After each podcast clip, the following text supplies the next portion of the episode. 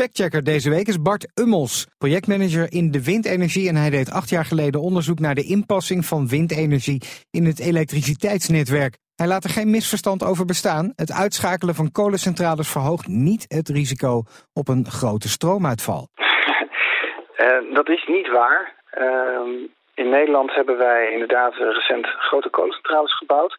Er komt heel veel wind bij op wind op land en wind op zee. Maar ik heb in mijn onderzoek uh, acht jaar geleden al aangetoond dat de komst van veel meer windenergie op het elektriciteitsnet, uh, dat er nog steeds de elektriciteitsvoorziening stabiel en gegarandeerd blijft. Ja, maar windenergie toevoegen aan het elektriciteitsnetwerk is nog niet helemaal hetzelfde als kolencentrales afkoppelen, toch? Dat klopt. Uh, windenergie heeft uh, ook buffers nodig, zoals overigens ook kolencentrales en gascentrales buffers nodig hebben voor gepland en ongepland onderhoud. Um, het is eigenlijk zo in Europa dat er uh, wekelijks grote centrales af en toe een storing hebben. En dat is geen enkel probleem.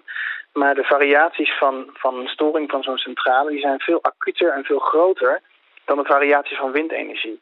Dus technisch gezien is, is windenergie eigenlijk veel voorspelbaarder en, en, en uh, ja, minder variabel dan die grote centrales als die gestoord worden. Betekent trouwens niet dat we zomaar kunnen overstappen op alleen maar windenergie.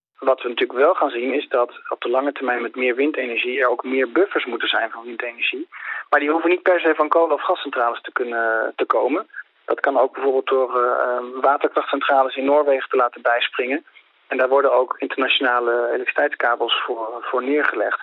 De buffers van, van wind kunnen misschien ook van andere duurzame bronnen komen. Als het uh, heel erg mooi weer is zoals vandaag, zou je zon deels kunnen laten bufferen voor windenergie. Dus we moeten met veel meer windenergie eigenlijk kijken naar het systeem als geheel. En de mix van uh, zon, wind, waterkracht, uh, internationale handel... plus misschien een stuk fossiel als achtervang dat is in principe een prima uh, mix die betrouwbaar in onze elektriciteitsvraag kan voorzien, ook in de toekomst. Nou, klinkt alsof er best wel wat kolencentrales dicht kunnen. Er is maar één conclusie mogelijk. De stelling beoordelen we als...